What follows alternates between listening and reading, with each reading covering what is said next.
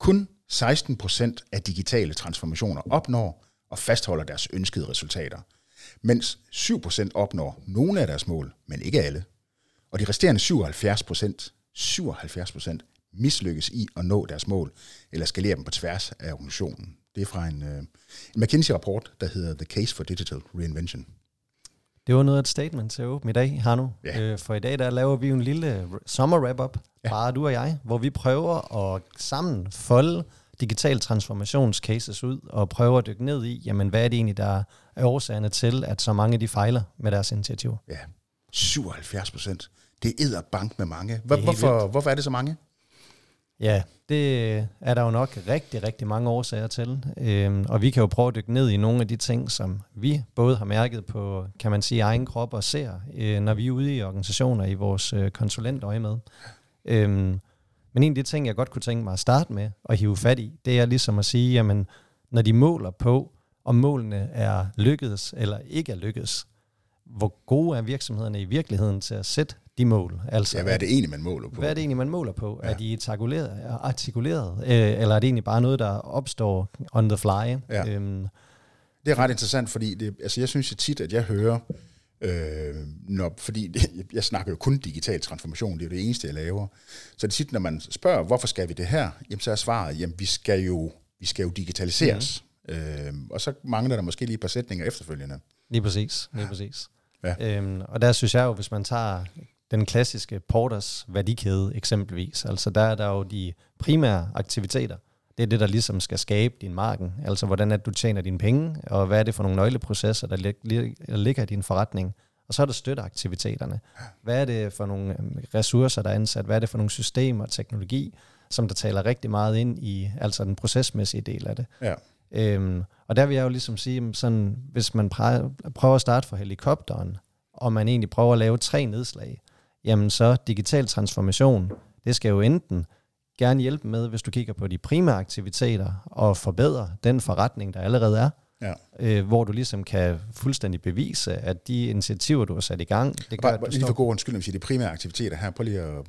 Jamen, det, op. Jeg kan ikke huske så mange modeller. Nej, men det er helt okay. Det er helt okay. Ja, men øh, det, det kommer jo lidt an på, hvad det er for en værdikæde, man opererer med. Ja. Men typisk så er det jo der, hvor du tager med inbound, køb af varer, så er der forarbejdning af dine varer, øh, og så er der din, hvad hedder det, salg- og marketing-aktiviteter, den måde, du grundlæggende tjener dine penge. så det, der direkte skaber man sige, indtjeningen. Ja. det, der, tjener ind, Ja. eller skaber din indtjening. Og Ja. så er der støtteaktiviteterne, alt fra HR til IT til logistik og hele den del.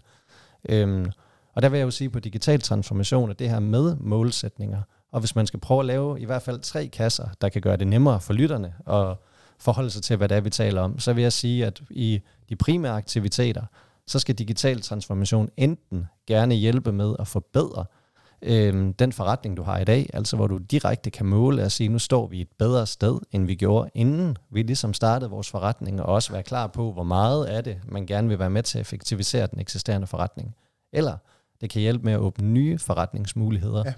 Det kan enten være helt nye markeder, øh, det kan være helt nye produktkategorier, øh, det kan være en helt anden vertikal. Der er jo mange muligheder. Der er vi lidt mere over i Ansoff-apparatet, hvis man skal bruge øh, modelberedskabet. Eller man kan gå op i støtteaktiviteterne.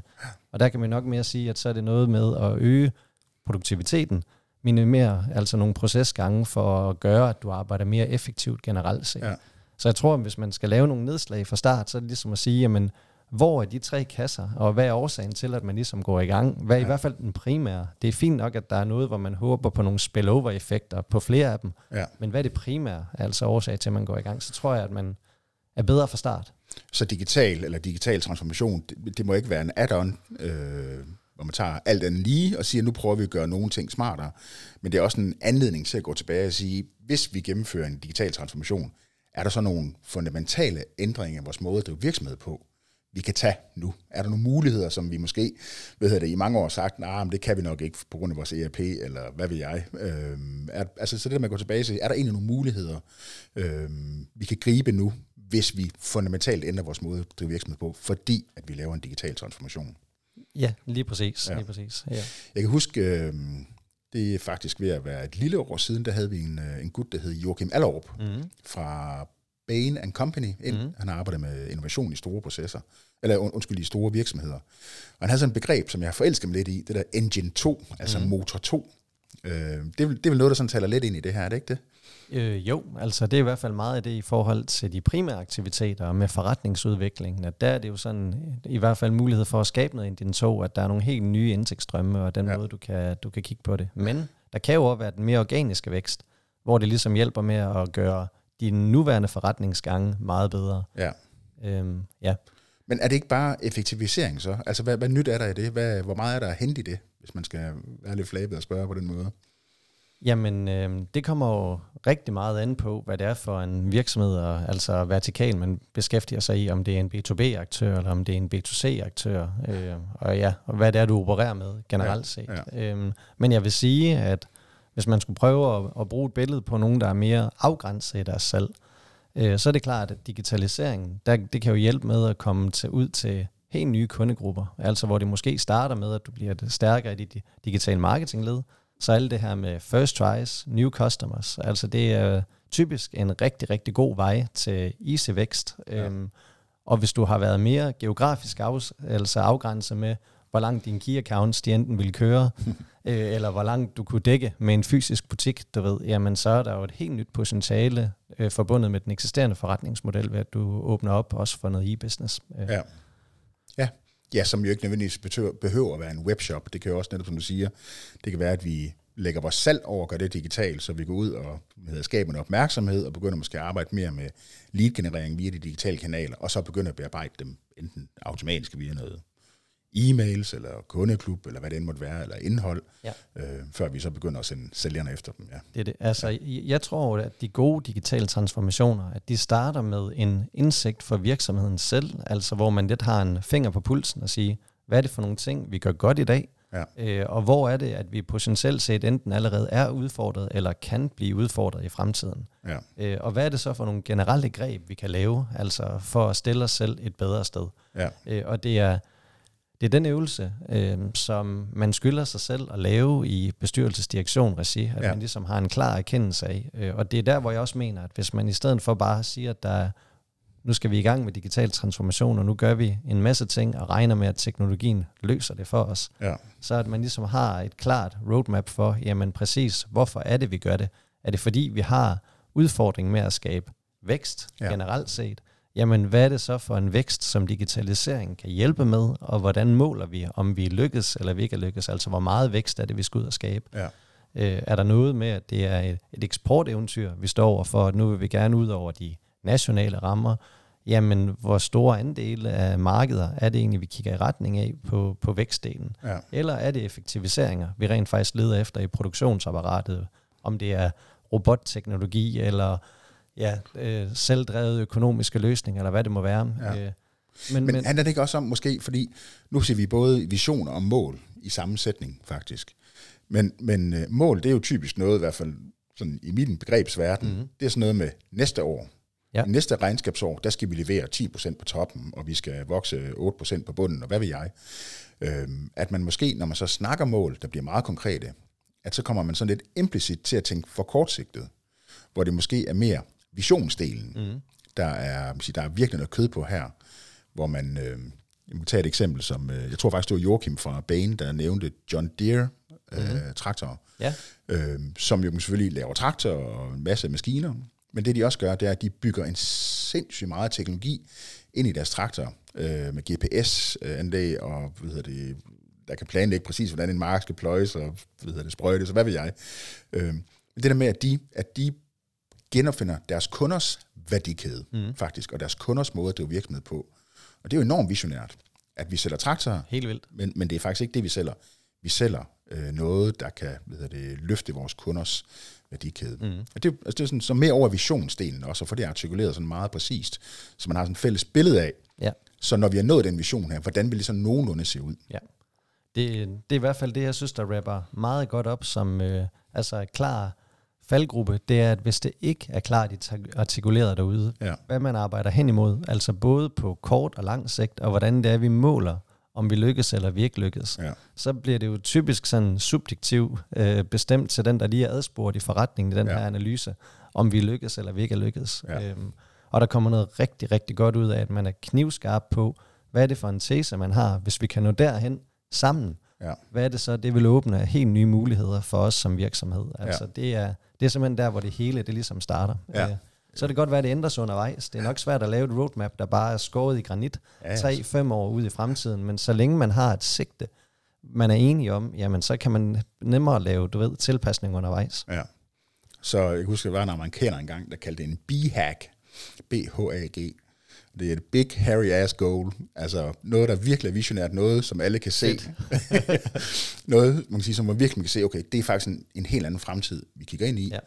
Og så også få det bakket op med nogle meget konkrete, og selvfølgelig også ambitiøse mål, så vi ikke bare går ind og drejer en lille smule på, på hjulene, øh, og siger, nu laver vi digitalisering, og så får vi måske lidt gevinster. Men sådan virkelig noget, der Ja. rykker forretningen, det, det er det, det handler om. Øhm, og jeg synes faktisk, det lidt taler ind i det der, at fordi for lytteren, så er der måske også meget, når man går ind og snakker digital transformation og big hairy ass goal, at, øh, at det kan lyde sådan disruptivt, at nu er det noget ja. helt nyt og noget helt andet, man skal. Ja. Og det, det må man endelig ikke tage med, øh, at det er det, der er pointen. Det, det er mere der, hvor vi snakker Engine 2, ja. Ja. at hvis man vil noget helt nyt, og det er nye forretningsmuligheder, noget helt andet end det, man gør i dag, så er det selvfølgelig en del af de strategiske muligheder, der er, men det kan lige så vel være, at det bare effektiviserer den organiske vækst. Ja. Men at man er helt klar på, jamen, hvad er det så, digitalisering kan hjælpe med, at vi løfter vores primære aktiviteter og får et helt anden forudsætning for at tjene penge, Ja. men de egentlig er baseret på en forretningsmodel, man kender i dag. Altså, Ja. Ja, jamen, det er jo rigtigt. Altså, det, det er du fuldstændig ret i. Alle skal ikke ud og disrupte alting. Det det. Det kan være en rigtig god øh, idé, også at bare gøre det, man gør, super meget mere effektivt, automatiseret og mere skalerbart ved hjælp af teknologi og ved hjælp af digital øh, transformation. Jeg, jeg tror i hvert fald også, at hvis man går i gang med digitalisering i almindelighed, at sandsynligheden for at lykkes er langt, langt større, hvis man starter et sted med at sige, jamen det her, det er ikke sådan noget helt ny rocket science, hvor vi skal ud og lære helt nye kompetencer og kloge os i en helt anden vertikal. Vi starter simpelthen med den andedam og Ja. industri, vi kender rigtig, rigtig godt, men vi skal måske begynde at adoptere nogle nye måder at tænke ja. på, til at kan effektivisere den forretning, og så ja. få nogle succeser. Ja. Fordi Og det, og det tror jeg faktisk også taler ind i noget andet, som også er super interessant her. Øhm, fordi tilbage til hovedspørgsmålet, hvorfor er der så mange, der fejler? Øhm, der, der tænker jeg også det der med, at man øhm, kommer i gang for sent. Og lige pludselig så har man sige, markedet indhentet dig, eller forbruger, forbrugernes adfærd, eller kundernes adfærd har forandret sig rigtig meget, og så opstår der sådan en, en brændende platform, og så skal vi i gang. Mm. Øhm, og det er jo ikke, altså, og der, det kan jo godt være rigtig svært, når der så først kommer en ordre fra CEO'en eller fra bestyrelsen, at nu skal vi i den totale digitale transformation. Mm. Øhm, og så skal det bare afsted. Og nu, du ved, så skal det gå ud over alle stepper, og vi investerer massivt i det. Øhm, der er der også der er noget klogt i at i os og hvad kan man sige, mindske risikoen ved at starte relativt småt, ved at gå ind og kigge på nogle eksisterende processer. Er der nogle delområder i virksomheden, hvor vi kan effektivisere mm. ved at automatisere nogle processer, eller ved at gøre nogle, øh, det du kalder aktive processer, altså noget, der er folk, der sidder og gør, til nogle pro- passive processer. Det vil sige, der er måske en maskine, der gør det for os, så vi skal kun validere, vi skal ikke udføre osv. Mm. At det, er også, det er måske også en del Øh, det kan også være med til at skubbe til en større bevidsthed om, hvad det er for nogle gevinster, man kan få, og så er det måske nemmere at artikulere mm. en vision og nogle mål, fordi man simpelthen får en helt anden hands-on erfaring med, hvad det kan og hvad man kan få ud af det. Jamen, 100% enig. Øhm, jeg synes lige, vi skal folde den der ud her nu. Ja. Ja. Du egentlig var begyndt på, at øhm, som egentlig er den her, den reaktive del, Ja. at man erkender simpelthen for sent, at der er et problem, og nu skal man simpelthen bare ud over stepperne. Og det er jamen, på rigtig mange plan en møjs situation at stå i. For hvis øh, skidtet først brænder, øhm, så er det jo også der, hvor man kan sige, at der oftest øh, er meget øh, dårlig adgang til likviditet og kapital. Ja. At du, du er presset, og det kan være svært at finde pengene. Ja. Det kan også være, at det er en proces, hvor det er svært at rekruttere de rigtige medarbejdere. Dem, du rigtig gerne vil have med på hold til ligesom at drive din forretning øh, generelt set. Du er presset på tid, øh, som virkelig arbejder imod dig, fordi du, hvis du ikke får det gjort inden for meget, meget ja, kort årrække, måneder, øh, så kan du være præ- altså truet på livet. Ja. Øhm, og det vil egentlig sige, at det er der, hvor vi har snakket om det begreb, vi kalder digital Hail Mary, før lidt fra amerikansk fodbold, at øh, nu har du kun et play tilbage, Ja. ja. og det er simpelthen det lange kast, og hvis øh, catcheren eller receiveren ikke får grebet bolden, jamen så mister du spillet, altså så er det over til konkurrenten.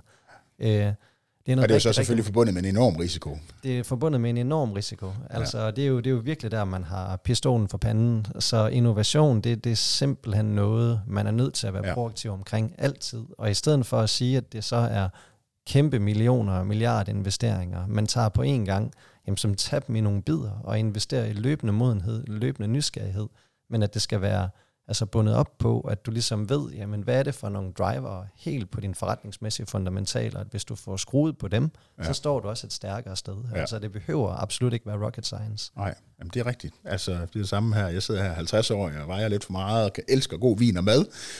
Øh, så det er ikke nok, at jeg tænker, at hvis jeg lige pludselig får brug for at løbe maratondag, så kan jeg gøre det bare ved ren viljestyrke. Yes. Jeg skal måske lige starte med at gå ned i fitnesscenteret en gang om ugen, eller gå en tur en gang imellem. Så det der med at, jeg tror også det der med at tænke på digital transformation, eller digitalisering, eller innovation, mm. at, at du, altså du skal lige, du skal en tur i fitness, i hvert fald en gang hver 14. dag, ja. øh, for at begynde at træne en lille smule, fordi det er en muskel. Innovation ja. er en muskel, du skal udvikle i en, uh, en stor virksomhed. Eller som en lille virksomhed. Jamen, jeg synes faktisk, det var et mega fedt billede at sætte på, fordi der er jo lidt det der, at det, der, det er for dårligt til, så beslutter jeg mig for, at nu vil jeg gerne i god form. Ja. Og så løber man i måske et halvt år, 5-10 øh, kilometer flere gange om ugen, og så er du egentlig oparbejdet en god form. Og så lige pludselig, så begynder der at være andre prioriteter, og så sætter du hurtigt den der gode form over styr. Ja, så er der altså, sommerferie, eller så er der corona. Jamen det er det, du ved, og så kan du starte forfra på det. Ja, altså, så ja. det, er, det er jo et langt sejt træk, hvor ja. man er dedikeret mod, at innovation og forandring, det er noget, man driver hele tiden, og hele tiden kigger sig om efter de muligheder, ja. der er de rigtige. Så der kommer en dag, hvor du skal løbe det her digitale transformationsmarathon. Det kommer, det, det hæver en hver tvivl. Så, så en god idé at begynde at træne i tid, så du har den muskel, der skal til, når, du så, når det begynder at, at tælle, kan man sige. Ja, lige præcis. Alle de burde jo træne nu allerede, ja. hver ja. dag. Ja. Så. Jamen det er rigtigt, det er der mange, der ikke gør. Øh, og jeg forstår ikke helt, hvorfor. Eller jeg forstår det måske godt en lille smule, øh, fordi det er jo sådan et tema, jeg ved, jeg bliver ved med at vende tilbage til det der med, at en, en, en, en, en stærk værdi, især i store virksomheder, det er stabilitet, det er forudsigelighed, det er, at vi er i kontrol. Mm. Øh, og der kan man sige, digital transformation, der kan man i hvert fald måske på de øvre ledelseslag, kan man måske ret nemt få følelsen af ikke at være i kontrol, mm. fordi man måske, for at sige det pænt, ikke ved en dart om det. Øh, det var ikke pænt sagt, men, øh, men altså, så der kan være et eller andet der øh, med at, at, introducere usikkerheden, uforudsigeligheden, mm. lidt kaos, øh, nogle failures, øh, introducere dem i doserede mængder, ja. øh, for det er faktisk nødvendighed. Øhm, enig, men jeg tror også, der er noget der, hvor at, altså så er det simpelthen, fordi det bliver for højt flyvende, at så i stedet for, at man chopper tingene ned i nogle bidder, og så sige, skal vi ikke lige prøve at se, om vi kan lykkes med det her som en start. Det er måske ikke det, der ligger allerfjernest, og som er allermest investeringstungt. Men hvis vi rent faktisk kan lave det, kunne være at begynde med noget digital marketing. Altså ja. begynde at tænke lidt i sin måde at drive sit salg på en anden måde, end det man har gjort altid. Det vil typisk være et nemt sted at starte, fordi ofte så vil det medføre mere forretning, og det vil også være med relativt lav kompleksitet og investeringsrisiko, ligesom at begynde at gøre det. Og når man først har mærket, og så siger, jamen okay, nu kan man rent faktisk se, at de initiativer, man er begyndt at gøre, det gør faktisk en forskel på vores primære aktiviteter. Vi begynder at flytte noget forretning. Ja. Hvad nu hvis? Ja, hvad nu hvis? Ja. Ja. Og, og det, det, det, det er lidt de ting, at der tror jeg, at hvis man bare lukker øjnene og drømmer om, at nu skal man bygge et eller andet helt vildt destruktivt, så kan jeg godt forstå, at der er nogen, der bliver fartblinde, altså ja. og aldrig kommer ud over stepperne. Men hvis man i stedet ligesom kigger på den nuværende forretning og siger, hvad er det rent faktisk for nogle ting, som vi gør i dag, som der førhen, det har vi gjort rigtig, rigtig godt, men i dag gør vi det bare på en håbløs, outdated måde. Ja. Nu er vi simpelthen nødt til ligesom at finde ud af, hvordan er det, vi kan bringe vores forretning op to speed, og så få noget organisk vækst ved ja. hjælp af digitalisering. Ja. Og det, der siger du lige noget andet, som jeg kommer til at tænke på, øh, fordi der er også i alle store virksomheder, og i alle små, i alle virksomheder, det er vist det nemmeste at sige, der er der helt sikkert masser af ting, som vi gør, fordi vi plejer. Mm. Hvordan laver vi rejseafregning? Øh, hvordan øh, styrer vi udlæg?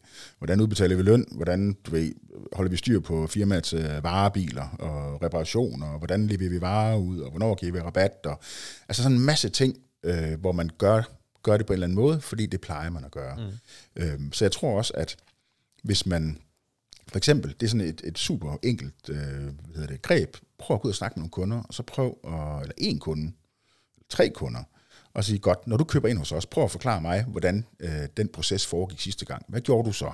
Så ringede jeg til Svend, fordi han er min kontakt, og så blev vi enige om prisen, og så du vi aftalt med leveringsdato, og så Mm.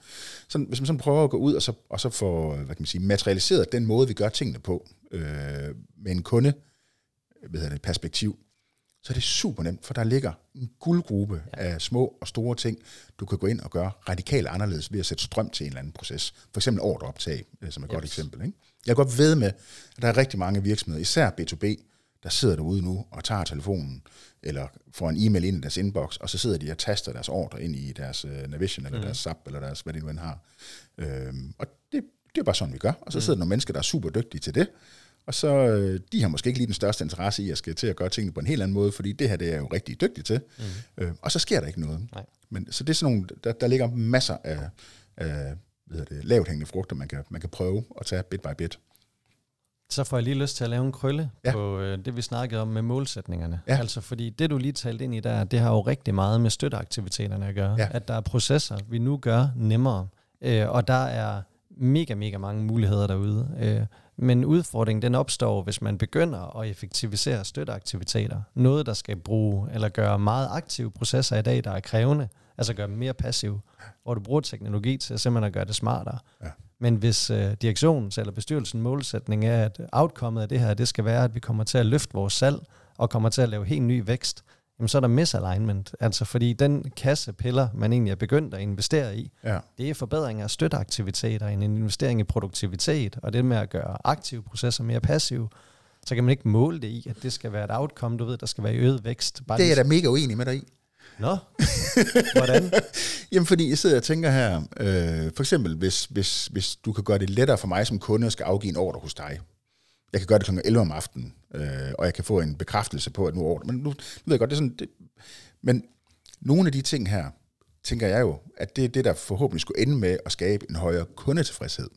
Så det kan godt være, at det ikke giver direkte giver et øget salg, men hvis vi for eksempel ved at gøre det meget nemmere for kunderne at handle med os, meget mere sådan sømløst, ja. vil det ikke påvirke kundetilfredsheden så, og så vil det så påvirke salget. Og min pointe med det, det er, at nogle gange, når man så snakker mål, så kan der godt være, der kan godt være en uh, detur hen på vej det mål, på, hen på vej mod det mål, men egentlig på jagt efter. Så kundetilfredshed før øh, vækst per kunde, for eksempel. Ja, det, det kan jeg ikke stille mig uenig i. Det, Nej, vel? det er du ret i. altså, øh, men jeg tror, min pointe var mest, at det med målsætningerne, at hvad er det, man ligesom bygger hen imod? Fordi det er klart, hvis du ligesom kan se, at der er nogle ting, der er defekte, det der, det vil nok tale ind i konverteringsraten. At ud af de kundekontakter, du har lige nu, jamen der konverterer du simpelthen for få til købende kunder. Der er ja. det klart, at hvis du kan løse nogle ting i dine støtteaktiviteter, hvor du egentlig har nogle teser om, at det er det, der gør, at vi ikke får dem helt i mål, ja. så er jeg fuldstændig enig med dig i, jamen så kan det jo også godt være meget bevidst i, at kan skabe noget øget vækst. Så det er faktisk en rigtig god pointe. Ja. Men det er bare mere, hvis det er nogle ting, hvor det er mere procesmæssigt, hvor det egentlig ikke handler om, at det er noget, der er direkte relateret bare til en værdi, som kunden kommer til at mærke, men det er noget, der gør, at de processer, man kører, og der er meget krævende i dag, du ja. ved, øh, komplekse, at de bliver lettere. Ja. At det, det er mest der, så er det i hvert fald unfair, at man ligesom tror, at man skal sætte to streger under og måle på, at det er det, der kommer til at udmønte sig i øget vækst. Nej, det kan spare nogle lønkroner, det kan øge produktiviteten, det kan ja. tænke meget nemmere. Øh, men uagtet hvor man står derude, så er det, egentlig pointen skal jo bare være, gør nu jeg er fuldstændig bevidst omkring, hvad er det for nogle mål? Ja. Altså de initiativer, jeg sætter i gang, hvad er det, vi have ud af dem, både ja. på kort bane, og hvad er det så, øh, altså for et roadmap, vi kigger ind i. Altså, så når man lykkes med det, hvad er de næste ting på rejsen? Og hvis man lykkes med alle de ting, jamen hvad er det så generelt, det betyder for forretningsmodellen? Ja, ja det er rigtigt. Men, og og, og det, det kan vi to sidde og kloge os rigtig meget om her. Øh, og vi kan også sidde og kigge ud over det danske erhvervslandskab, og så tænke, det er så åbenlyst rigtigt, at det her, det er noget, man burde ved det, øh, offer mange, eller ved det, øh, bruge mange flere kræfter på. Og, og og hvorfor er det så, at vi ikke så ser den der raseri af digital transformation rundt omkring i bestyrelserne og direktionerne? Hvorfor, hvad, der må være en eller anden form for modstand. Altså de der tal, der hedder 77% fejler, mm. det taler for sig selv, synes jeg. Altså, ja. det er jo indiskutabelt, at det er langt, langt størstedelen af fejler. Mm. Øhm, men hvorfor? Altså, hvad... Ja, altså, vi har jo øh, der er jo nogle af de punkter, øh, vil jeg også ligesom have med, altså som jeg også synes, vi skal bruge noget tid på, ja. ligesom at folde ud i hvert fald, hvorfor de fejler. Øh, jeg kan ikke kloge mig i den del, du ligesom sagde, altså hvor, hvor meget der investeres, og hvor lidt der investeres. Nej. Øh, jeg, jeg kan i hvert fald bare sige, at hvis man bruger det lidt, som jeg synes var et rigtig godt metafor, at innovation og digital transformation som værende en muskel. Altså alle burde træne hver dag. Ja. Øh, og det er klart, at jo bedre form du kommer i, jamen, øh, jo mere kan du træne øh, og investere i det, fordi så kan kroppen holde til mere. Altså Ja. i starten kan man nok ikke gå fra 0 til 100, Ja. så får du fibersprængning Men- og alt muligt. Men er det ikke bare, er det ikke bare at hyre nogle øh, digital, digitale specialister ind, og så slippe dem løs? Øhm, det, det, det, det, det kan være en løsning. Det er jeg ikke sikker på altid er en løsning. Nej. Øhm, for der er også noget af det der med eksempelvis den digitale modenhed. At hvis der kommer en masse specialister ind, der måske hjælper med at highlighte og, og vise et potentiale, Ja. ja. hvor er det, vi skal hen. Men sådan helt fundamentalt, jamen så er den digitale modenhed bare på et lavt sted, så bliver det rigtig svært for virksomheden selv at eksekvere. Ja. Altså, der tror jeg, at den, den gode start starter med, om, man, om erkendelsen kommer internt eller med altså input udefra, at man prøver at få det choppet ned i nogle relativt nemme bidder, hvis man er helt ny på den rejse, at sige, Ja. ja. hvordan kan man få skabt nogle early wins? Ja. Ja. Men Hvad det er tænker du? Jamen, det, det tænker jeg, at du har ret i. Øhm, og jeg tænker så også, hvem er det, der skal, hvem er det, der skal initiere det, den, den proces, eller hvad hedder det, den rejse der. Og det er jo, det er jo typisk en topledelse en direktion, eller mm. En bestyrelse. Øhm, og der tror jeg også, hvis vi sådan taler tilbage til det med at mislykkes der, at der, øhm, der tror jeg også, der er noget forklaring. Altså en ting er, der er den digitale mo- modenhed for virksomheden som helhed, men der er måske også sådan den digitale modenhed, når vi snakker ledelseslaget. Mm. Øhm, der kunne være en udfordring, og det, det tror jeg også nogle gange udspiller sig så i, at, øhm, at der er en manglende forankring i ledelsen for den digitale transformation. Det bliver nogle gange lidt sådan so ein Ding, øh, müssen vi auch haben, tror jeg det hedder på tysk. Zweimal bitte. ja. øhm, og, og så, øh, så har man ligesom bestilt det, og så kommer det nok. Øh, så det der med, at man kan sige, som, som direktør eller som medlem af en bestyrelse, Mm-hmm.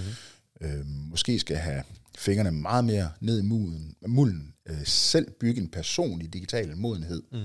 for at være i stand til at, at drive processen, eje processen, så ja. den har en ledelsesmæssig forankring. Ja. For det tror jeg fejler rigtig mange steder. Ja. Ja. Øh, enig. Øhm, og det, det er jo det, er det, der både er det spændende ved digital transformation, det er, det er så alt omfavnende. Øh, og samtidig så prøver vi begge to også altid at artikulere, eller artikulere med at starte med et sted, der er let at få nogle early wins. Ja. Øhm, men jeg tror, at når vi snakker altså mere gennemgribende transformationsprocesser, øhm, så er der nok øh, altså virksomheder, der, der starter et sted og begynder at gå ud af en landevej, altså hvor kompleksiteten den simpelthen er, er stor, og der, Ja. er, der er siloer, øh, Ja. der, er, der kan være svære at nedbryde. Altså der er lidt at sige, at hvis du nu skal begynde at sælge varer online på en helt ny måde, øh, hvor at det er en anden profit-loss-struktur, altså acquisition cost for kunden, altså en anden end den, du har været vant til før. Nu skal Ja. du begynde med digital marketing og få... Lad os da prøve at tage et konkret eksempel her. Øh, altså en B2B-virksomhed, som, eller en grossist-virksomhed, Mm. der nu vil til at sælge direkte til forbrugerne, altså via en direct-to-consumer Ja. øh, model. Yep. Det er jo sådan en radikalt anderledes Ja. model. Prøv, prøv at folde det lidt ud måske. Jamen, der kan man jo sige, hvis der generelt set er, at man hopper et led over i værdikæden, altså så er der et kæmpe win i på papiret, at man får en helt anden marken, øh, og du også begynder at eje forholdet til kunden, øh, hvilket skaber både noget stickiness og også noget, kan man sige, altså kundefastholdelse, noget konkurrencekraft generelt set på den lange Mm. bane.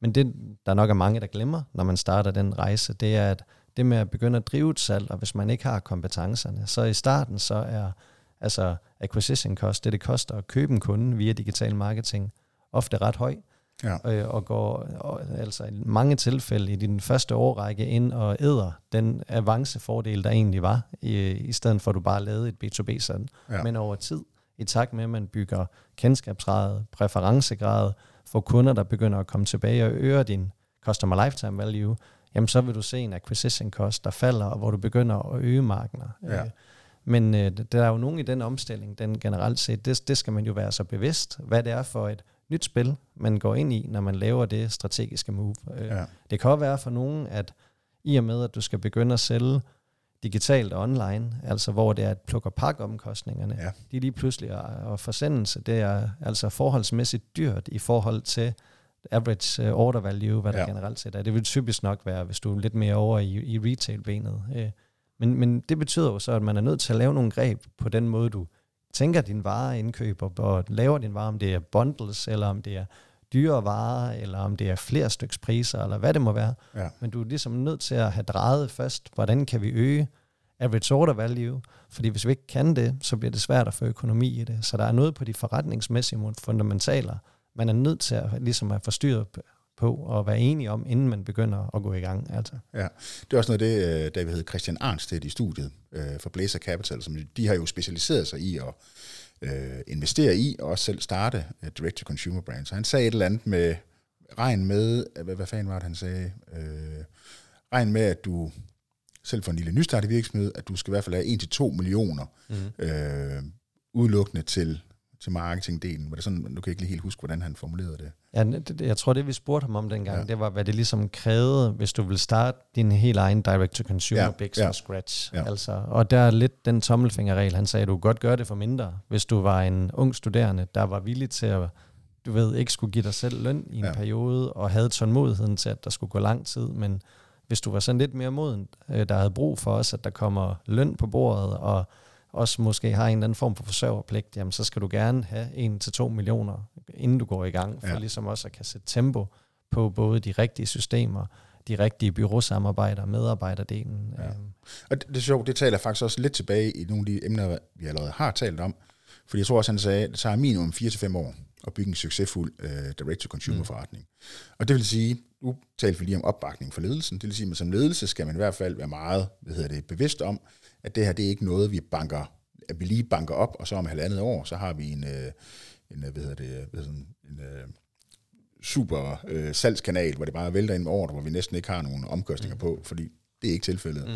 Så det tager lang tid, og det er ret investeringstungt i starten, Mm. Og det er en enorm modningsrejse, man tager på. Men det er også noget af det, man kan sige, som, som ledelsesmæssig opbakning og forankring også handler om. Det er at skabe de der rammer, hvor vi siger, at få noget realisme ind i det. Ja. Det her det er noget, vi vil, og vi vil det. Ja. Og vi sætter nu en 3-4-5 år af til at blive rigtig dygtige til det. Men så skal det med også uh, kunne betale sig tilbage. Ja. Og det tror jeg ikke, der er ret mange, der faktisk der siger. Det er meget mere kortsigtet. Øh, nu åbner vi en webshop, og den skal omsætte for 50 millioner om halvandet år, for ellers så, øh, så er det ikke en succes, for eksempel. Apropos mål. Ja, ja men det er super. Øh, og ja. det, det kan jeg igen kun være enig i. Men der er jo lidt de her med, hvis man egentlig ser det lidt som et spil kort, altså hvad er det for nogle trumfer, man selv sidder med? Øh, det er jo noget af det, hvis man lige drager en parallel til min egen søster Grene-rejse, at det startede jo også nu, tilfældigt, det er nok meget sagt, men vi, vi kaldte det i hvert fald ikke en digital, eller digital transformation, dengang vi startede rejsen og begyndte Nej. at investere heavy i social media. Det var mere ligesom at se, vi kunne se, at det i selve marketingspektret, der var der opbrud, øh, og der var meget mere vundet i, at man kunne begynde at kigge på nye kanaler, som Google-stacken og Facebook-stacken, ja. investere i, at man begynder at komme tættere på og få follower-like og skabe en ja, renters rente-effekt over tid. Ja. Øhm, men, men det gjorde lige pludselig, at man får, lagt, eller får skabt en power i, at nu bliver det nemt at udkomme til, din, til ens kunder. Og det ja. betyder også, at i det øjeblik, du sætter strøm til en forretning, jamen så kan du egentlig opretholde en rigtig, rigtig høj millionomsætning meget, meget hurtigt. Ja. Men det er fordi, du er god i det digitale marketing. Der ja. har du ligesom gjort den der modenhedsrejse sund. Det kan også være, at der er nogle andre, der er mega skarpe i logistik, og så sige, jamen hele den del, der er vi bare excellence, og vi er gode til at plukke og pakke og holde omkostningerne nede, så den indgangsvinkel til at begynde via at sælge via markedspladser internationalt. Ja. Det er relativt nemt for os at komme i gang, og så har vi noget tålmodighed i, at vi gradvist kan bygge salget. Altså der tror jeg, kig på at spille kort. Hvad er det, I er gode til i dag? Hvad er det for nogle trumfer, I kan spille?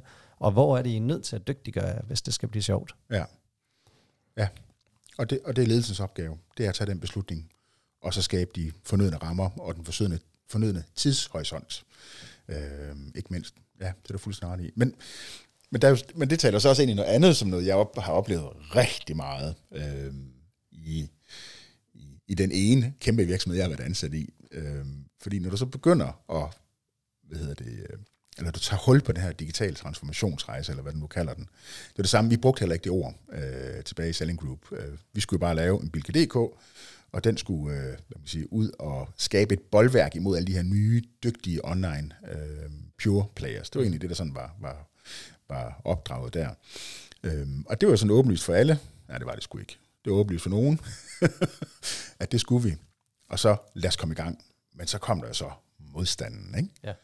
Øhm, fordi du kan, der er det gamle drugger citat der med, øh, hvad det nu det er, øh, culture will eat strategy for breakfast. Mm-hmm. Øhm, og det er jo ufatteligt sandt, fordi selvom man strategisk siger, at det er det her, vi gør, og vi ved også godt, hvorfor vi vil gøre det, og vi har endda måske også de rigtige mål, og vi har måske endda også hyret de rigtige mennesker, men, men, men, men alligevel, så er der bare sådan en enorm modstand øh, i rigtig mange virksomheder for at lave den her ved det, forandring. Ja. Det, det tror jeg er en meget vigtig faktor i alle transformationer. Jeg får lige lyst til at stille dig et spørgsmål. Ja. Øhm, faktisk lidt afledt af den snak, vi lige har haft. Øh, men og det, lidt tilbage til målsætninger og de ting, fordi ja. man, som jeg ser casen, at der lykkes du i, egentlig på ret kort tid øh, og ret early days, med at lave en rigtig høj omsætning. Ja. Og det der mål på målsætninger, altså også at så sige, jamen hvad er det, der definerer succeser? Fordi jeg tror, når vi, er, når vi har snakket om casen, det er nok ikke sort-hvidt, enten så lykkes man, eller så lykkes man ikke. Jeg tror altid, så er der ting, man lykkes med, og så er der ting, man i bagklogskabens lys har sagt, det kunne man sgu have gjort anderledes, eller gjort bedre, eller hvad ja. man skal sige. Men hvis man lige, hvis man prøver at recap på noget af det, ligesom at sige, jamen hvis det bare var mål på toplinje og omsætning, så er der jo egentlig meget, hvor man kan sige, jamen der var I jo virkelig hurtigt ud af starthullerne og lykkes med at tage en stor del af markedet, men jeg fornemmer bare stadig på dig, du ved, at når man ligesom går tilbage, at åh, der var ja. nogle ting, hvor du ligesom også siger, at det, det, det lykkes I simpelthen ikke med. Nej. Så hvis du skal folde det der ud. Ja. Øhm, jamen det er rigtigt. Altså på, man siger, på den korte bane, der lykkedes vi jo med at skabe en enorm omsætning. Og de sådan officielle tal, der til rådighed, det var jo på to og et halvt år, gik vi fra 9 til 50 til 320 millioner. Eller 150, altså 320 millioner. Øh, så ja, det lignede jo en gigasucces. Men hvis jeg skal prøve at gætte på, øh, hvad Salling omsætter online i dag, det tør jeg ikke helt gætte på, jeg ved det ikke. Lad mig bare sige, måske 2 milliarder, for eksempel. Ikke?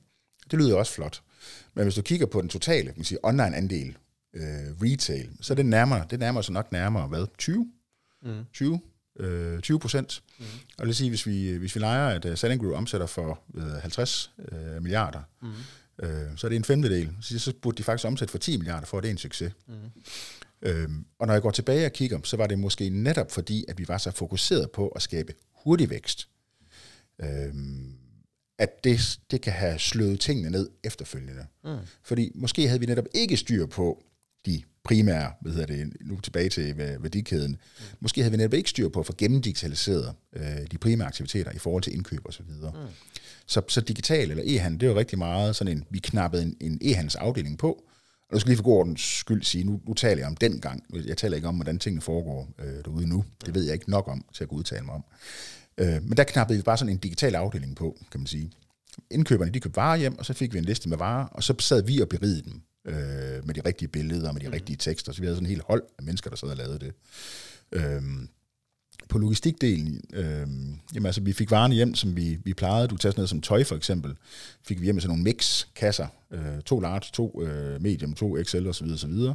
Øh, så det der med at gå ud til vores leverandør og sige, at vi skal faktisk have stregkode på hver eneste øh, hvad hedder sådan, mm. størrelsevariant, øh, størrelse farvevariant, for at mm. kunne sælge dem online. Det, det ryg fik vi heller ikke lavet. Så der er sådan, der er sådan en masse, masse, masse processer rundt omkring, øh, vi ikke fik øh, gravet dybt nok ned i, mm. fordi vi var så for hippet på at skabe en omsætning hurtigt. Og så skete der ledelsesskift på et tidspunkt, hvor, vi siger, hvor den rigtige, altså konklusionen, hvilket var rigtigt nok, der skal endnu mere fart på online. Vi skal ud og vækste endnu mere. Vi skal have en større markedsandel. Men, men der, hvor det vi så lige glemt, for nu at sige det sådan lidt simpelt, det var, mm. ja, måske har vi faktisk ikke styr på, hvad det, på, på, nogle af, på mange af de fundamentale ting. Mm. Vi har lige opnået en eller anden form for modenhed og forståelse af, hvor komplekst det her det var gennem hele organisationen. Øhm, og hvis vi havde brugt kræfter på at gøre vores øh, e-commerce forretning robust, mm. øh, brugt kræfter på netop at gå tilbage i indkøb, gå tilbage ud til vores leverandører, øh, og gå hvad det, ud i vores, øh, vi lavede sådan satellit øh, mm. e-commerce øh, lager osv., hvis vi havde brugt kræfter på der at sige, godt, hvordan kan vi, hvordan kan vi få gjort hele den her, øh, hvad hedder det, hvordan kan vi få gjort den digitale salgskanal, digitale salgskanaler, integreret meget mere ind i den øvrige organisation, så er vi klar til at vækste med en meget større robusthed, fordi mm. nu kan vi vækste.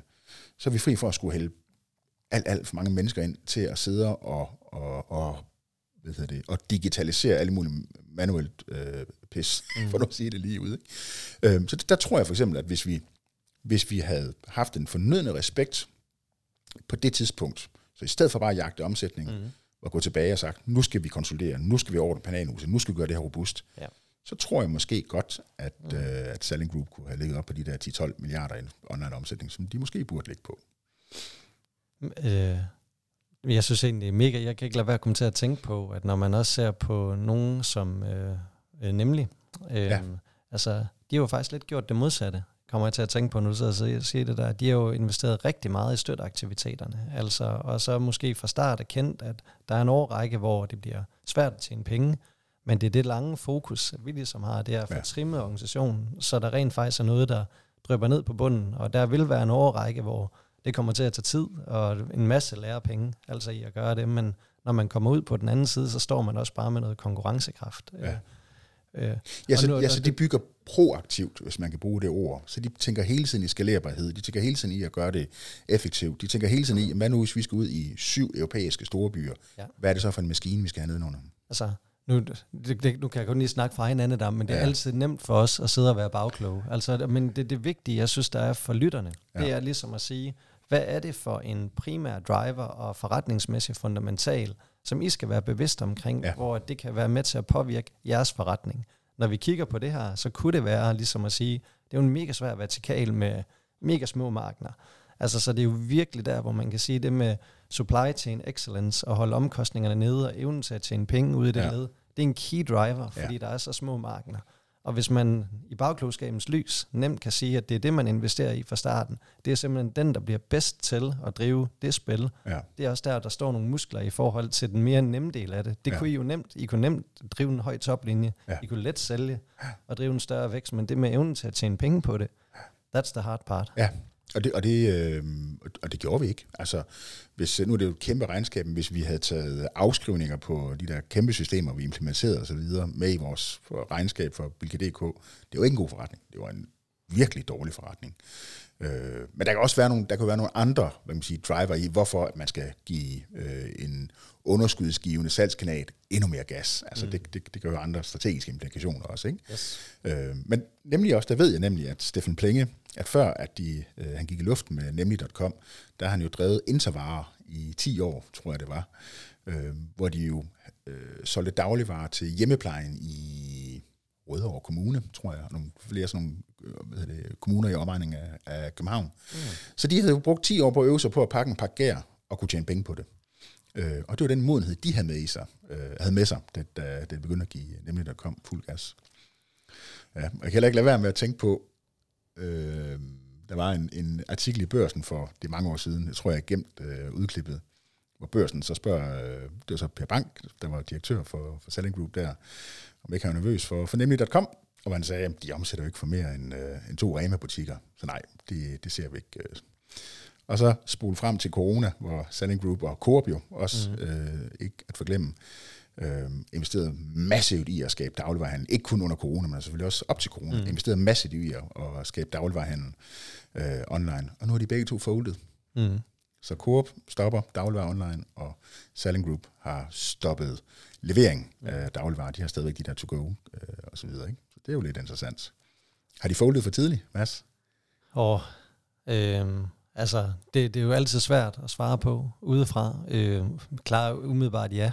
Øh, altså fordi hvis man kigger på de forudsætninger, der er for så store mastodonter, øh, så er der jo nogle stordriftsfordelsmuligheder og noget investeringskapital, der gør mulighederne for at lykkes alt andet lige større end ved, end, end ved nemlig. Ja. Øhm, men når det er sagt, så, så er det bare en monstersvær vertikal, nok den sværeste vertikal, fordi der er så mange varer, der skal flyttes, og så mange pluk, ja. øh, og så små markner. Altså så der er noget generelt i, ligesom at sige, hvordan kan vi øge vores markner? Altså hvordan kan vi ja, overføre nogle af de omkostninger, massive omkostninger, der er, over i kundeledet. Ja. Øh, og det er jo de ting, jeg synes, der er mega sjovt. Det er også, når du kigger på den grundlæggende forretning, at noget af det her med din altså digitalisering at gøre, men der er også noget med din prioritering af forretningsmodel. Altså eksempelvis det med at begynde at skabe flere private labels, som noget af det Rema er mega god ja. til, som jo også er en klar erkendelse af at så sige, jamen de markener, du opererer med, hvis det er de kendte brands, de er simpelthen for små. Vi er ja. nødt til også at få noget ind, hvor vi kan få en større marken. Og hver gang man gør de ting, så skaber det jo konkurrencekraft for et digitalt ben, jamen så kan man jo byde lidt mere på kunderne og tage lidt større marketingandele, eller få nogle lidt bedre systemer til at gøre nogle aktive processer mere passive, eller hvad det måtte være. Ikke? Altså. Ja.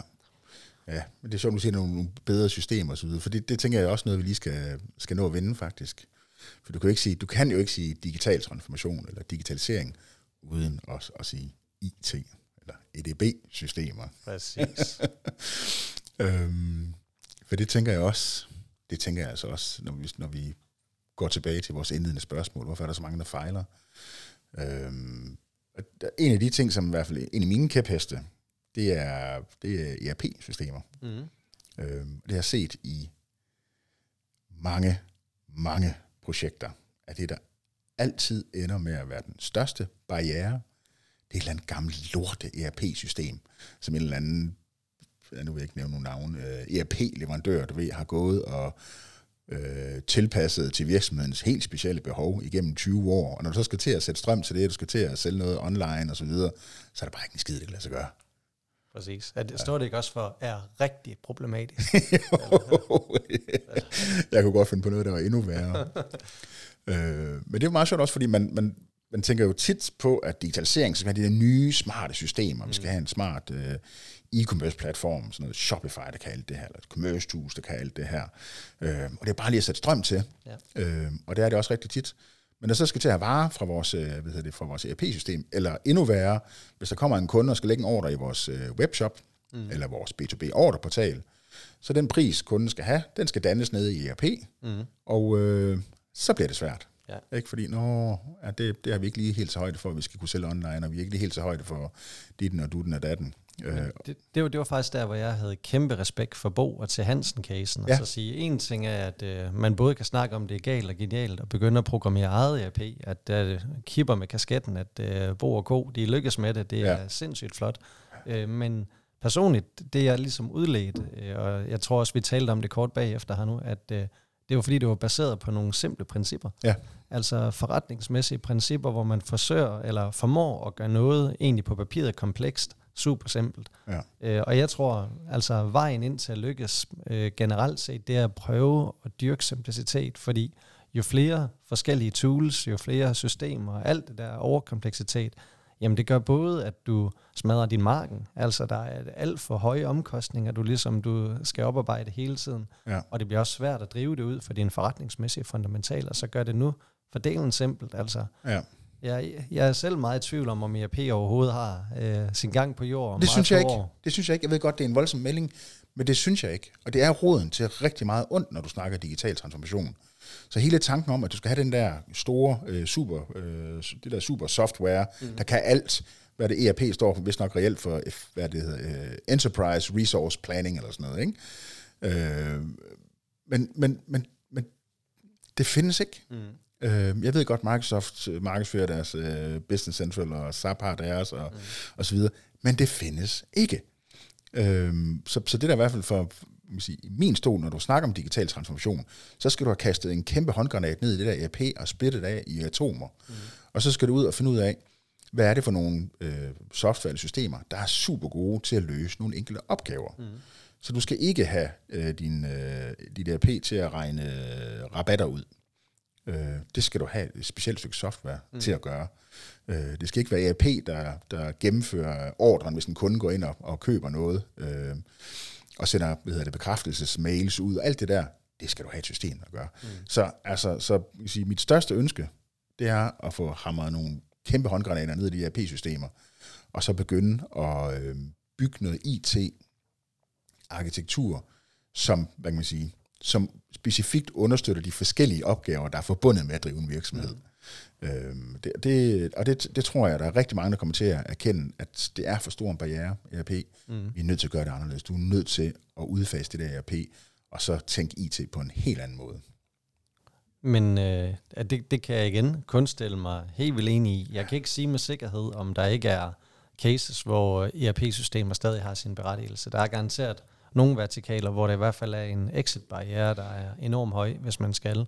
Ja. Men det der med at finde inspiration, at nu boliger eksempelvis, ja. altså der har bygget egentlig generelt set en webshop, det er også det, de bruger som POS-system, altså nede i butikkerne, så det hele det er egentlig bare drevet som webshop, hvor varerne lever, øh, og det gør det jo super, super nemt, og det er ja, meget let skalerbart. Altså, øh, der tror jeg, du har 100% ret i. Det er meget lidt, eller meget, eller meget let? let? Meget let, let skalerbart. Okay. Der. Øhm, ja, at, så det, det tror jeg kun, der kommer noget godt ud af. Jeg kan huske, der var en anden konsulent, der sagde til mig en gang, at øh, det her med e-commerce, at de gode gamle dage, nu min far er faktisk selv gammel købmand i Billund-området, at der var han jo ude og kørte varer ud til de lokale gårde, hvis de ringede ind med telefon. Og det er jo faktisk det, det er sjovt at sige, at den måde, man drev værdikæden, den minder jo super meget om commerce. Nogle de lagde en bestilling. Det var bare ikke via en computer eller en smartphone. Det var via en telefon. Ja. Og så gik det i gang med købmand John, der skulle til at pakke varer, pakke varer, og så skulle han leveret ud, og så håndtere en anden form for transaktion. Prøv lige at tænke på i virkeligheden, hvor kompleks, altså virkelig komplekst vi kan gøre det, hvor vi også bare prøver med et helt unødigt digitalt landskab til at håndtere en ting, der i sig selv bør være relativt simpel. Øhm, så er der selvfølgelig noget, når du går ud på nye markeder, typisk det med håndtering af differentierede priser og differentierede sproglag og alt sådan noget, og forskellige moms, øh, hvor der er en anden kompleksitet, man er nødt til at tage højde for, men for langt de fleste, det der med at holde det mega, mega simpelt, i stedet for at lade sig forgribe, er ja, meget kompleks IT. Det tror jeg, at øh, langt flere det vil lykkes med. Ja, måske. Altså, jeg, jeg, jeg, det er svært at uenig i det, du siger, men så omvendt, så tror jeg også, at man er nødt til at se på IT på en anden måde. At du er nødt til at se på, på IT og den arkitektur, du har, øhm, som et, sådan, det er virkelig et øjebliksbillede. Hvad er det, vi har brug for lige nu? Hvad er det for nogle kanaler, vi skal øh, sælge på? Hvad er det for en kunderejse, vi skal kunne understøtte? Mm. Øhm, og så er du nødt til at, kunne, at sige, at vi er faktisk nødt til at bygge en arkitektur. Vi er nødt til at have noget IT, der i princippet skal kunne håndtere hvad som helst, vi kunne finde på af nye forretningsmodeller, subscription, eller deltage på markedsplads, eller mm. sælge direkte til forbrugerne, hvis man er en, en, hvad det, en uh, producent eller en, en B2B. Øhm, altså, så, så, så, så ja, jeg hører, hvad du siger, men omvendt, så, så kom, altså, hvis du vil have fleksibilitet, det er nemt at bygge en dims, der kan én ting, mm. og den skal ikke kunne gøre den ene ting anderledes. Men hvis du skal bygge en, en dims, der skal kunne 10 ting nu, mm. og måske 200 nye ting over de næste fem år, så bliver det komplekst. Så jeg tror også, man skal, ikke, man skal passe på ikke at, at være for naiv i forhold til, at det, der følger bare en kompleksitet med at bygge sådan moderne IT-arkitektur, hvor du tager og fjerner den der ene kæmpe store platform, som typisk er et ERP, mm-hmm. og så begynder at arbejde med det, man kalder en, en composable arkitektur, eller en composable enterprise, det vil sige, at du har mange forskellige systemer, mm. der løser nogle meget specifikke opgaver, så skal de jo integreres osv. Mm. osv. Ikke? Og det er mega komplekst, og det er mega dyrt. Øh, men jeg, jeg tror faktisk... Det behøver det jo ikke at være. Det kommer igen an på, hvad det er for nogle tools, du vælger. Altså. Ja, ja, det er selvfølgelig rigtigt. Men igen, hvis, hvis du er oppe i en vis størrelse af virksomhed, og du skal kunne skalere, og du skal mm. kunne håndtere på, på tværs af landegrænser, og forskellige kundegrupper, både B2C og B2B, ja. og, og, og så videre, og så videre. Og hvis du både skal sælge på din egen webshop, og i nogle butikker, og måske også på Amazon. Ja. Altså, man siger, så, så det er klart, at der er forskellige grader af kompleksitet, men hvis, hvis, du, hvis, du, hvis du er den der, man sige, hvis du sælger på forskellige platforme og forskellige kanaler og, og så videre, så kan du ikke komme ud mm. udenom, at det er komplekst. Det, det. Og der skal man passe på med at oversimplificere. Prøv at høre, det, det er jo heller ikke, fordi jeg vil oversimplificere. Jeg tror bare generelt set, at det er en gammel traver i langt de fleste virksomheder, at særligt vækstvirksomheder, at med vækst, så kommer der unødig kompleksitet, når tingene går hurtigt, at så er der mange tanker, og der er meget, man gerne vil, og der ja. er investeringsmulighed, og lige pludselig, så står man med noget, der er helt unødigt kompleks i forhold til de primære aktiviteter. Ja. Hvad er det, der driver salget? Hvordan er det, vi skal ja, sikre, at vi også overlever om 5, 10, 15, 20 år? Ja. Øh, og der tror jeg også, der er sådan noget på altså den måde, man er organiseret, uden at skal karikere alt for meget, men nu for forståelsen, så tillader jeg mig at gøre det alligevel. Så jeg håber, at lytterne de kan bære over med mig. Men klassiske uh, CIOs, uh, det er jo der, hvor jeg i hvert fald får et billede af, at det er meget på støtteaktiviteterne.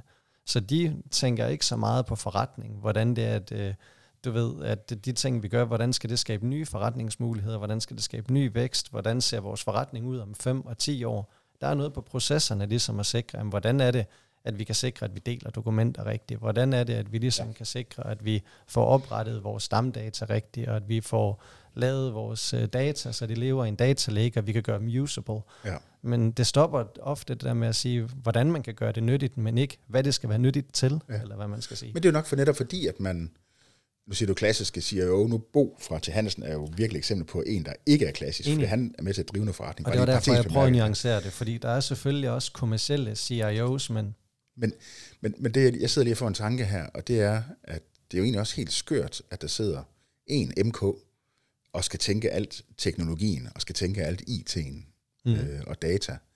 Fordi i princippet, så bør sige, den øh, beslutningskraft og det ansvar, det bør jo ligge ude i hele organisationen.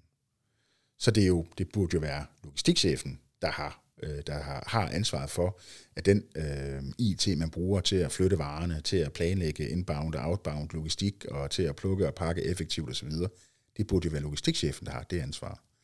Det burde være marketingchefen, der har ansvar, osv. osv., osv. Så der er jo et, der er et eller andet, der er et eller andet øh, håbløst gammeldags i, at der faktisk sidder en CIO, som har det ansvar. Men jeg, jeg synes, det er fint nok, at der er en, der samler trådene. Altså det, ja. det tror jeg, der kommer noget godt ud af. Men det er lidt, hvis, hvis strategi, det starter, nu siger jeg igen, de primære aktiviteter. Hvordan er det, at man skal skabe kundeværdi og sælge om fem år? Ja. Så tror jeg, det bliver meget nemmere at snakke i til arkitektur. Så sige, nu har vi artikuleret, hvor det er, vi skal hen med forretningen, helt generelt set. Så begynder vi at kigge på systemer. Ja. Øh, men det, det er lidt noget møg, hvis man har en enevælde, der sidder i sit Microsoft-stack, øh, altså ja. ligesom at sige, alt andet, det kan vi ikke tage ind, Nej. og det er støtteaktiviteter. Så egentlig dem, der prøver at drive forretning og drive nye digitale muligheder ned i de primære aktiviteter, jamen ja. de bliver bare lukket ned. Altså. Så IT's rolle bliver måske i højere grad øh, at skabe det framework, eller skabe en arkitektur, der gør, at du kan slippe, øh, at du kan slippe systemerne lidt mere fri således at logistik eller marketing eller hvad hedder det, indkøb osv., at de faktisk i gåsøjne lidt har deres egne systemer, men de systemer, de kan altså snakke sammen med vores data lakes, de kan snakke sammen med vores ERP, vores hvad hedder det, bogholderisystemer osv. osv. Så det handler måske mere om at, at, skabe, at skabe en IT-arkitektur eller en IT-strategi, mm. der åbner op og distribuerer ansvar mm. og, og opgaver, når det kommer til teknologi, fordi teknologi er i alt, hvad vi overhovedet laver. Ja, enig. Øhm, og så selvfølgelig styr på, at systemerne kører, så der er den her driftdel af det også. Ikke? Jeg tror, Steve Jobs han sagde det der starten med kundeoplevelsen, og så regner der baglæns. Ja. Altså, og der kan man jo sige, at hvis man skal bruge lidt de visord, der var der, start nu med forretningsstrategien. Ja. Altså, hvor er det, I vil hen? Så regn baglæns, og så sige, hvad er det for en teknologi, der skal til? Og så gør det så simpelt som muligt, vil være mit take. Ja. Best of breed er 100% med på, at i stedet for det er P1-system, der prøver one ring to rule them all, glem det. Ja. Altså, der skal være noget omstillingsparathed, men prøv nu at gøre det så simpelt, som I overhovedet kan. Ja. start med den værdi, vi skabe. Ja. Men man skal også, altså, men der, det, det, det kan vi nok sidde og diskutere resten af dagen, det der med, man skal også passe på med ikke at gøre det for simpelt. For så kan man også komme til at tage nogle beslutninger, som rammer en i, i nakken om, om to år i en iv efter at gøre det hurtigt, og gøre det billigt, og gøre det, øh, gøre det nemt, vil jeg sige. Men, men prøv at høre. Men det handler jo, det handler jo om, om øh, for vi skal, vi, skal, vi skal snart til at slutte nemlig. Jeps. Men det der, det, det handler jo om, det kan vi to, vi kan sidde og kloge os rigtig meget her, og vi er sikkert super kloge at høre på, synes vi selv. Øh, men, men det der er forudsætninger for, at man kan have de her diskussioner, som vi har nu i virksomheden, altså ude i virksomheden, mm. det er jo noget modenhed, det handler om. Ja. Du er nød, det er jo nødt til, altså de her beslutninger, de her diskussioner, de er jo nødt til at komme indenfra. Ja. Øh, så, så det er måske det, vi sådan lige skal prøve at slutte af med, og, altså det der med, med modenheden. Ja. Den digitale modenhed. Øh, og, og der, vil, der er enig med dig i, at man start nemt, start småt, få nogle erfaringer. Øh, fordi det er den eneste måde, du kan bygge modenhed på. Det er den eneste måde, du er nødt til at køre frem. Du er nødt til at åbne en lille webshop for at finde ud af, hvad kræver det egentlig at lave digital handel i stor skala mm. også. Så du er nødt til at bygge den der modenhed selv, og du kan ikke købe dig til modenhed. Fordi modenhed, det handler om, at hele virksomheden forstår, at mm. nu driver vi virksomhed på en anden måde, nu driver vi kundeservice på en anden måde, nu, køber vi ind, nu driver vi indkøb på en anden måde, osv. osv. Mm. Så det der med at have modenhed som et mål i sig selv, er faktisk en, øh, også en ret vigtig ting. Præcis. Øhm, og jeg synes jo egentlig også, den der gode fordrende diskussion, vi også lige har, hvor det er det sjove ved det her, det er, at selvom at der er forskellige erfaringsgrundlag, så kan du aldrig sætte to streger under og sige, at det er en absolut sandhed. Øh, det er noget, man er nødt til at finde sammen som organisation. Men det der med, at man arbejder ud for nogle hypoteser, og man ligesom kan sige, det er noget, vi sammen kan købe ind i, i bestyrelsesregi og direktionsregi, og lade det forgrene sig ned i organisationen, fordi det er noget møje, hvis man først går ud på en rejse, og så er der dele, du ved, øh, komponenter, der er mega vigtige for at lykkes, men der lidt er uenige i, hvordan det er. Altså, arbejde nu med en hypotese og sikre, ja. at det, I bygger, det bygger I sammen. At det er sindssygt meget sjovere, når man løfter i flok, og man vinder sammen. Ja, ja, det er det. Og være klar til at spille nogle penge. Være, være, være klar til at sige, nu, nu bygger vi en proof of concept her, og det kan godt være, at den lukker vi ned om et halvt år, fordi så ved vi, hvordan det reelt skal bygges, og så bygger vi det rigtigt. Der er en sunk cost, men vær klar til at tage det. Altså det er jo også en del af det der med modenhed, det er, at du skal faktisk give som ledelse, ja. du skal sørge for at skabe nogle rammer, hvor det er okay at fejle. Ja. Så længe vi hele tiden bliver super skarpe på, godt hvad er det så, vi skal gøre anderledes, og hvordan gør vi det rigtigt næste gang. Ja. Ja. Nu ved jeg godt, det ikke var det, du mente, men jeg, jeg ser det ikke som det der med, at man skal være klar til at spille nogle penge. Selvfølgelig er det gode gamle det hvor der er noget, jo. Nej, men enig, men, men det er mere den der, at have en risikovillig kapital. Ja. Altså se, se forretningen også som en, en investor på det følge, det er en aktie på det følge, man ligesom har. Nu ja. kan jeg igen bruge mit øh, ophav for Søsterne Grene. Altså der, den forretning, vi kunne lave ved at åbne en fysisk butik, det var noget, vi ligesom kendte. Jamen, hvad var det, investeringen krævede, og hvad kunne vi typisk forvente af afkastpotentiale? Øh, og når man kigger tilbage, egentlig, er nemt i bagklogskabens lys, altså så ligesom ja. at sige, hvor uforholdsmæssigt øh, det var at begynde at gå full-blown omnichannel og begynde at åbne webshop i forhold til, hvad det havde af afkastpotentiale, der var meget, meget, meget større. Så lige pludselig, når man kigger tilbage, så skulle man jo have gjort det meget før. Det var en mega, mega nem beslutning. Ja. Men når man står i det, altså, så er det jo der, hvor man ligesom plejer lidt at plukke de øh, afkastpotentialer, man ligesom kender. Så det, det er der, hvor jeg vil sige, der skal være noget risikovillighed. You can't win them all. Øh, men have en risikovillighed i, at jeg kan prøve nogle ting. Noget, det kan skabe helt fornyet konkurrencekraft, hvor der er en helt anden multiple end det, I kender i dag. Ja. Og noget, der vi får nogle lærepenge øh, ja, undervejs. Ja, det er du fuldstændig ret i. Jeg tænker faktisk, at vi skal til at, um, at stoppe sådan en stille rolig masse, men skal vi prøve lige sådan at... Nu vi har været, mange, vi har været omkring øh, mange forskellige steder, der er allerede gået en hel time faktisk. Øh, vi sådan lige skulle prøve at, hvad det, sådan at, at, at sådan hurtigt wrap op øh, fordi det oprindelige spørgsmål, hvorfor er der 77 procent, der fejler? Øhm, så det jeg sådan lige har noteret mig, at vi er nået igennem. Punkt 1, der er det der, de manglende visioner, øh, de der big, hairy ass goals, øh, og så nogle mål, der følger dem, og i den rækkefølge, så vi ikke bare siger, at vi skal have 10% næste år. Øh, der er noget med at gå i det her digitale fitnesscenter hele tiden, begynde at bygge øh, transformationsmusklen, så du ikke lige pludselig står, hvor det er for sent, og siger, shit, nu er vi nødt til at gennemføre en digital transformation, fordi vi er presset. Og så har vi måske noget, øh, hvad hedder det... Øh, øh, digital Hail Mary. En digital Hail Mary, ja. Øhm, der var noget med forankring og, op- og opbakning for ledelsen, mm-hmm. og det kræver måske også, at uh, topledelsen skal forstå lidt mere. Der er noget med noget personlig digital modenhed, mm-hmm. man, uh, man skal have på plads uh, for at kunne drive det. Hvad mere har vi snakket om?